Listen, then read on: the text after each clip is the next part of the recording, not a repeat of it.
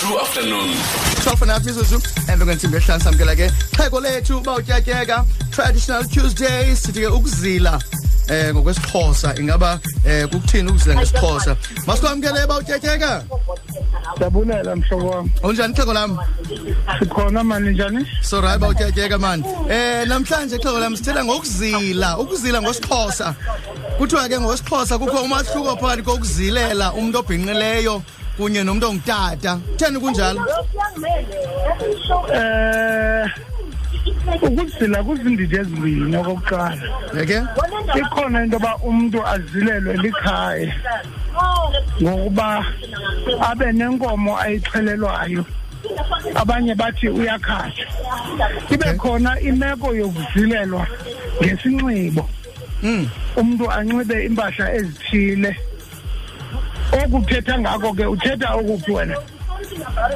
hayi siyabuza ngokuthi kukho umahluko phakathi kokuzilela umuntu obhinqileyo kunye nomuntu ongutata mhlawumbi xa ushiywe inkosikazi Eh, yakho xa xa usulekele inkosikazi yakho eh uba khona umehluko ukhona umehluko xa uzile umuntu ongutata wena kunomuntu ongumama xa ezileshwe ngumyeni wakhe. ukhona. Xa uzilela umuntu oyindoda eh. uzilelwa ngento yesikhababa.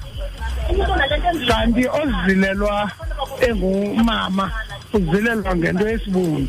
Mm eh I- i- isinxibo esi kubekho ke- eh. isinxibo esi i- i- yintoni? I- i- ingaba i- i- i- into yesinxibo idlala eyiphi indima apha ekuzileni yona? Isinxibo kukubonisa umntu ogqithayo into yoba kukho imeko enjena. Endehleleyo ndingubani okay okay. Eh. and now umuntu ongutata Yeah. uye umqaphele njani ke nxa ezilile andiva umuntu ongutata ke oshwe inkosikazi yakhe kweso sinxibo umqaphela njani yena abantu abangootata bendiyazi uzazi kulo mbuzo. Abantu abangootata kaloku ibingabo abasebenzayo dala yaqonda uba into yesiko mos ayonto yayizolo.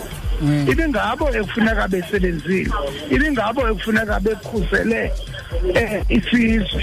Okay. so uba ngaba uzilile kuzawusebenza bani? Kuzathi xa kusithiwa nantsi impi ibe ngubani ozawuhlangula?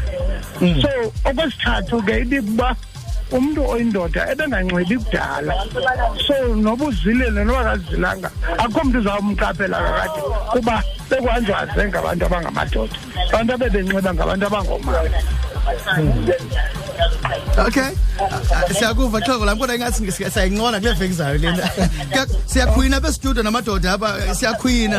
Um kodwa ke xa sayigqiba zabatyatyeka kuthiwa i- indlela mhlawumbi ezahlukileyo xa umntu ongumama e- e- ekhulula izila lakhe. Ngomthetho kwenziwa njani xa kukhulula izila masike ngokuzilile wagqiba. Xa ulikhululayo ukhulula njani? Unikwa ixesha yeke? Apha emzini akhe umzekelo uba ngaba lo mama usengumntu omtsha sandu- besandutshata mhlawumbi ubuncinane noko yena makabe nenyanga ezintathu. Kuba akufunekanga ade aphulukwe enze into ethile sephantsi kwale meko yokuzila okay. Kodwa xa ingumntu omdala ziqala kwinyanga ezintandathu ke ukuya kwishumi lesibini okay. Eh, sike sike sike- sike seva isitori sika senkosikazi kasenzo meyiwa eh kubhalwe into yobana ukhululelo likhaya into yoba angathandana inkosikazi kasenzo. Yenze ezinye imiqathango le mhlawumbi nxakhuluzile eh izinto azisenziwa ngokwesiko ngoku okokuqala. Okay. Abantu bayazibotyoza kodwa ke nangona kunjalo abantu abamaleli kodwa abade bamthume abamaleli ekubeni anganento a- ayifake ekhwabheni kuba Okay. kakade akasosixashala soba akanawuthandana kodwa ke akazudathune kuloo nto kuthiwa makayenze.